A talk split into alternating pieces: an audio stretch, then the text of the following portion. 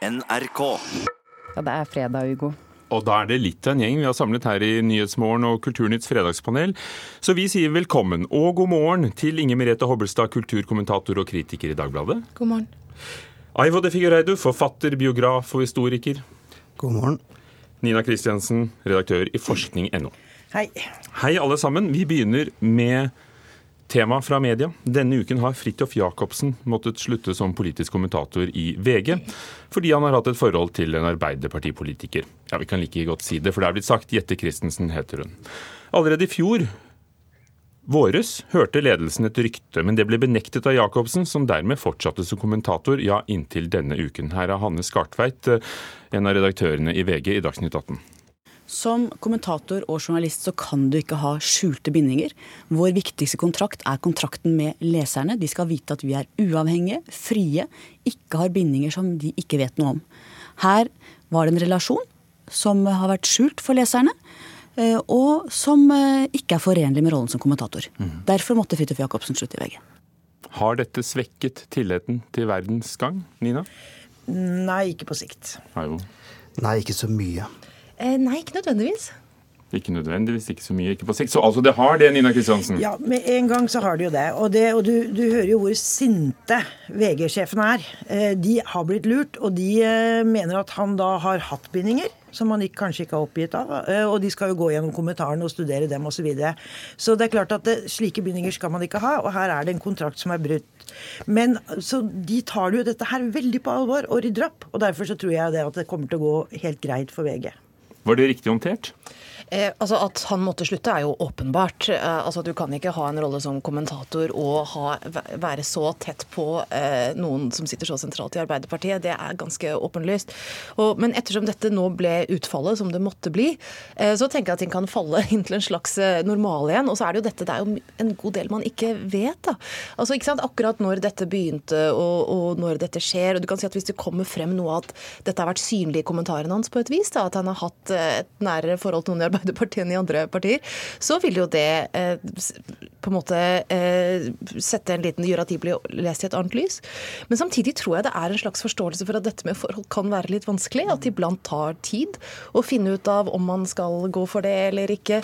At det er ting man skal vikle seg eh, ut og inn av iblant, og at det ikke er helt gitt når det går over fra null til å bli én. Eh, at det tror jeg det også må være en viss pragmatisme overfor. Altså. Det er ikke helt binært. Altså, han sier at han sa fra med en gang de bestemte seg for å satse på forholdet? Ja, nei, altså, Med mindre man da begynner å gå gjennom kommentarene det siste året og finner masse hjerter og smileys uh, skjult i teksten, da vil man jo ha det. Men jeg tror nok som de andre her at dette her ikke på sikt Og ikke blant leserne, så er det jo Dette er jo en VG-sak om VG på så mange måter. Og kjærligheten kommer alltid gjennom. Så hvis mekanismen fungerer, så går det sånn på sikt bra. Men det er jo framstilling av hvordan dette forholdet opp og oppstått, som er så rart. Da. Det er sånn, Nå har vi bestemt oss for å innlede forhold. Det høres ut som en som har sendt en lapp til noen i skolegården og sier sånn 'Vil du være sammen med meg?'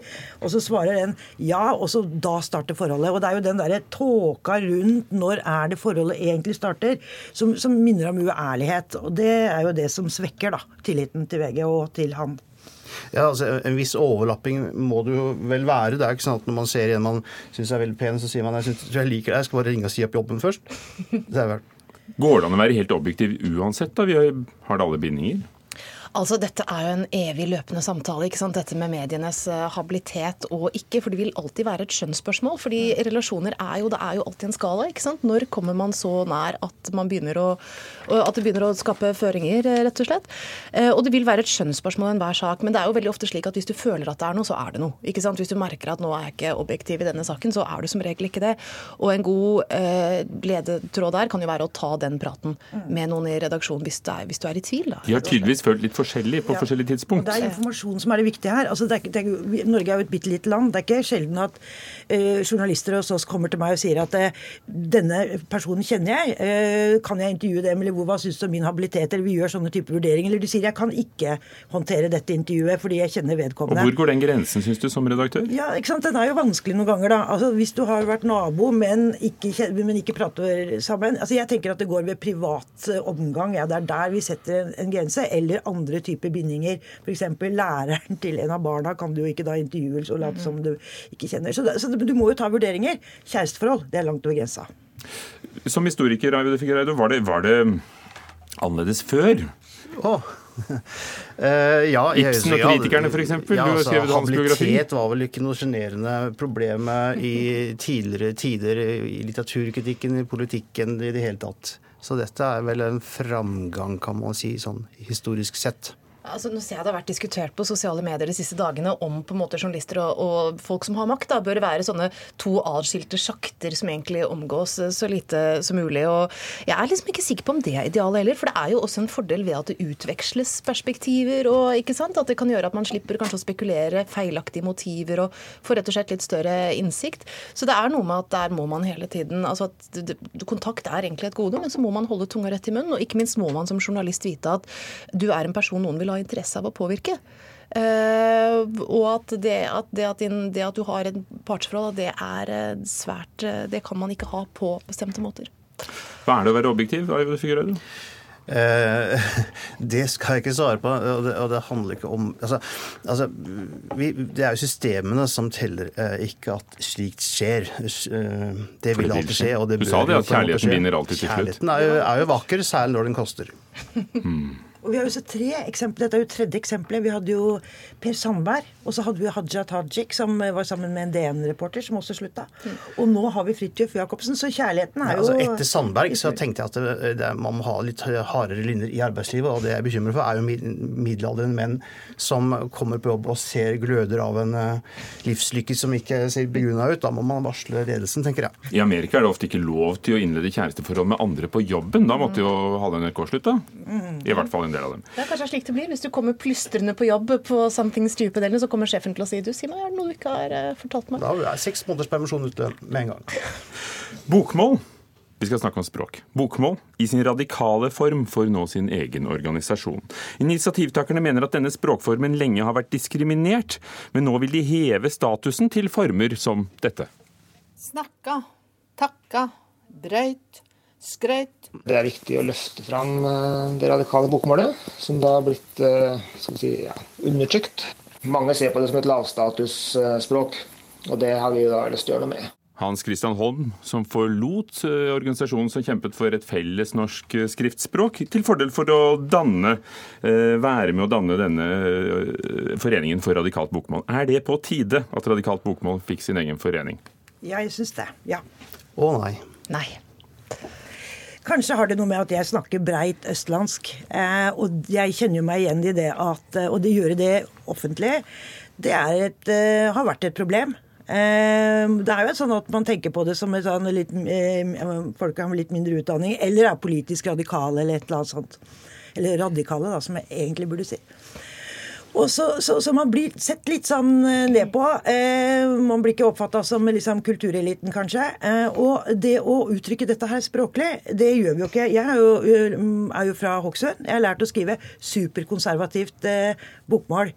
Så det å skrive nærmere sånn som du snakker, det er jo en fordel for barn og ungdom. Eh, språket blir mer levende, det blir bedre.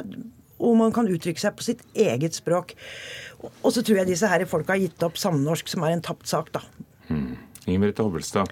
Altså Det som er litt morsomt her, er at jeg er jo også fra Hokksund, så Nina og jeg er fra samme sted og har litt Ja, forskjellige eh, variasjoner av, av dette. Men jeg har litt sånn ulike historier, da, for jeg forleste lest meg på sånn De tre musketerer og snakket siden sånn jo efter fra jeg var elleve omtrent, så da er jo det naturlig å gå litt an Boksebarna og eh, Du er blitt yngre med årene, du. ja, ikke sant? Det går bare, går bare én vei, vet du. Eh, men eh, altså, det som kommer frem i det som er skrevet om denne saken, da, det er jo en del ting som er bekymringsfulle. altså Det at elever blir rettet på ting som er innenfor rettskriftnormen, ikke sant? som er det radikale. At forskere opplever at de ikke kan skrive det som jo er, eh, er godkjent norsk. altså Det er jo det er en slags diskriminering som er, jeg skjønner veldig godt at det, at det kjempes mot. Eh, hva gjelder dette med eh, skriftnormen, så er vel jeg generelt litt motstander av å tillate for mange former. For da blir det så uhåndterlig, da. ikke sant? Eh, vi er et land med mange dialekter, og veldig mange vil oppleve at skriftspråket ligger et stykke fra slik de snakker. Men hvis målet var at det skulle være talenært mulig for så mange som mulig, så ender det også opp med å være litt sånn anarki, da.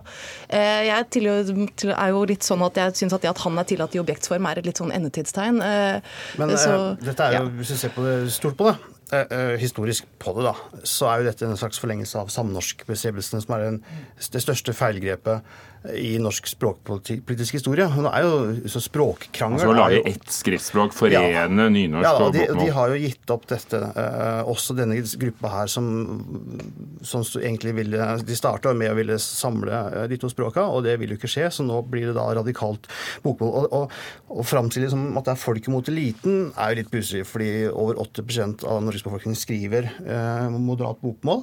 Så da er denne eliten ganske stor. Eh, Er det, det er omvendt? Er det de radikale brukerne som er eliten ja, altså, de, det er ikke noe tegn på at det er noen voldsomme folkebevegelser bak eh, ønsket om å ha radikalt bokmål. Og man må huske på at det, det har jo foregått en språklig samling på bokmålssida. Altså, riksmål og moderat bokmål er nesten sammenfallende. Så det er en forestilling om at det, at det er en sånn Frognerfrue-språk, eh, moderat bokmål, er feil. Så det er, Er det er selve som er ordet radikalt feil når vi snakker om, om det du snakker? Ja, altså Radikalt er feil. Jeg vil jo si at jeg snakker breit østlandsk. Og det er, det er faktisk sånn at det er, det er ikke mer enn kanskje ti år siden så hørte du aldri breit østlandsk hos reporter i NRK, forresten. For, eksempel. Heller ikke på Stortinget. Eh, Jeg husker jeg hørte han eh, landbruksministeren en gang, så han sto og snakka om fugleinfluensa på Stortingets talerstol. Da begynte jeg nesten å gråte. Så vakkert syns jeg det var. Fordi at ingen snakka breit østlandsk. Men nesten alt er jo tillatt innenfor Men- men bokmålsnormen nå likevel.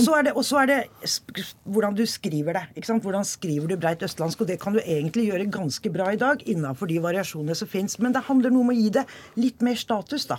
For hvis det har vært en samling, så er det jo i moderat trekning er det kanskje fordi det har vært litt sett ned på det. Så, Og, så, så Ja. Det er vel naturlig instinkt hos mennesker å normere seg. Eh, Man hyperkorrigerer seg. Eh, Og når man skriver, så skriver man eh, moderat bokball. Hvis vi skal ha flere valgfrie former, så går vi bakover i forhold til de bestrebelsene som har vært gjort de siste åra. Ja, altså Stor toleranse for hvordan man snakker, litt snevre for hvordan man skriver, er eh, egentlig en ledetråd. Dere her i Fredspanelet skal vi ha tre spørsmål, det er regelen, og vi har under tre minutter igjen, så vi tar med ett siste. Forfattere som klarer å markedsføre seg selv, trenger ikke tradisjonelle forlag. Det mener Arne Berggren, som selv har skrevet en del bøker, og det sier han til Klassekampen. Eh, Går det an å gjøre suksess på eget forlag? Eivo. Aune Sand klarte det med jordbærmus. Eh, neppe. Ja. Neppe, ja. Ja, altså Det er jo sånn man, sånn berømte siste ord hvis man sier nei, og så plutselig kommer det og skjer. Så man skal jo aldri si aldri. Men det jeg bare tenker som en som har skrevet bøker, og som har kjennskap til mange som bokprosesser, det er at eh, du mister ganske fort distansen til ditt eget stoff. da. Bok, en bok det er liksom et svært, uhåndterlig dyr som du dykker ned i, og som du eh, Plutselig vet ikke om du har gjort det ene der eller det andre der. Og det å ha et profesjonelt eh, blikk på dette, altså en som klarer å hjelpe deg til å kna dette til, eh, det tror jeg nesten er nødvendig for at dette skal bli, eh, bli noe. Ja, altså Jeg tror jo at verden og Norge trenger flere ansvarlige redaksjoner og ikke færre. Så Det er jo Arne Berggren som har vært ute med det her. Og han har fått ny jobb eh, i selvpubliseringsbransjen, og gratulerer med det. Men det er ikke noen fak... Altså, hvis fakkelen for det norske litterære samfunnet skal gå fra Aschehoug og Udal til eh, Berggrens selvpublisering, så, så får jeg litt hjertere, lettere hjerteflimmer. Fordi fordi, så dette blir på en måte en slags sånn lett trumpisme. Dette er eh, altså, en nedbygging av ansvarlig eh, redaksjonell behandling av stoff. Ja, man kan gjøre suksess på eget forlag. Eh, Burde man utgi på eget forlag? Kanskje ikke. ikke? Fordi man har ikke den kvalitetskontrollen osv. Men jeg tror Bergen er inne på noe. Og det er det at det er markedsføringa som gjelder. Og jeg ser på de jeg kjenner som utgir bøker. De jobber jo så mye med markedsføring sjøl, og, og, og det må man kanskje gjøre i dag. Uansett om man er på forlag eller ikke. Så er det også en etisk debatt her som nettopp har vært knyttet til en del eh, romaner, og hvor det også trengs en redaktørinstanse, sånn at det ikke går over alle støvleskaft, også med hva man skriver om hvem. man kan jo bare prøve. Men du holder deg på forlaget ditt, eh, Rode Figueiredo. Norsk litteratur er en stor suksess, og det er takket være det systemet vi har. Takk for eh, at Fredagspanelet her til slutt forsvarte bestående. Aivo de Figueiredo, forfatter, Nina Kristiansen, redaktør, og Inger Merete Hobbelstad, kritiker.